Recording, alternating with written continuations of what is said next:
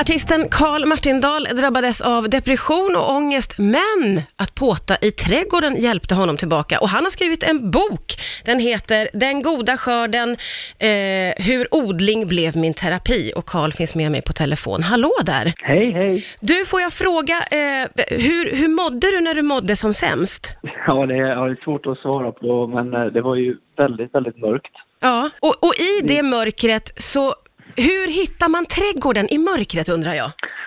Ja, I mitt fall så var det så här att jag, jag var ju på botten verkligen och fick ganska god hjälp av sjukvården med både medicinering och samtalsterapi och liknande för att liksom hitta någon slags värdighet Mm. igen. Mm. Eh, men där någonstans så snubblade jag över ett gäng pallkragar som hade lämnats på min tomt från en tidigare ägare. På riktigt så vet jag inte vad det var som fick mig att gå dit. De lockade på mig. Nämen. Och jag kände bara att eh, jag får väl prova att köra ner något här i jorden. Ja. Helt enkelt. Så jag gick på den impulsen. Ja.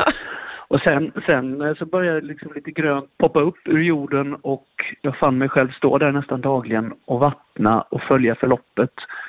Och man kan väl säga att när det sedan blev dags för skörd så småningom så var jag ju superbiten. Och utan att veta det då så hade jag påbörjat det som jag idag kallar för odlingsterapi. Eh, Och vad Och det har det, vad, vad tror du att det var i trädgårdsarbetet och odlandet som gjorde dig eh, friskare? Nu har jag ju fått eh, bevis på att det fakt- vi mår bra av, av odling och jord. Det finns bakterier som triggar serotoninet i kroppen och sådär. Men Ja. det visste jag ju inte då.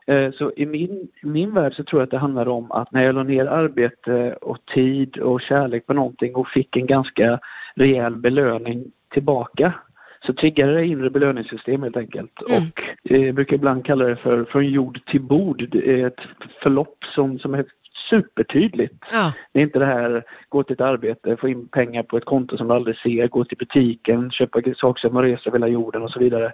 Utan här är det nedlagt arbete, ge mat på bordet, det triggar någonting Ja. för oss människor. Och nu kan du inte släppa eh, trädgården. Nej, det har ju blivit min go-to place helt klart eh, för att hålla mig i schack. Ja. Men även, även naturen i stort, för det här ledde ju mig till, från mina grönsaker så har jag ju börjat ge mig ut mycket i skogen och plocka svamp och verkligen vara i naturen i, Mm. i ett element som är ganska självklart för oss egentligen, Mm. som många av oss kanske har skalat bort. Ja, men Lite grann. precis. Och det här med, eh, med trädgårdsterapi, det är ju någonting som jag har börjat höra mycket om på senaste tiden. Det är ju fler som har hittat den här formen. Ja, och det är jättespännande tycker jag och enligt mig då så är det ju faktiskt en sanning att det funkar. Ja, ja Eh, onekligen. Och att, och att fler tycker det, det gör mig glad. För att det är ju faktiskt inte bara för den enskilda människan sådana grejer är bra, utan det är bra för vår miljö också. På Ja, många sätt så ja. är det bra för människan. Det finns många fördelar. Eh, och eh, fantastiskt eh, också att du så slumpartat hittade det här. Det tycker jag är... Ja, det var verkligen random.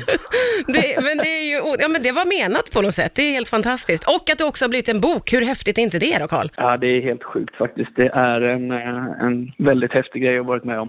Ja, det förstår jag verkligen. Den goda skörden, hur odlingen blev Ja. min terapi, heter boken.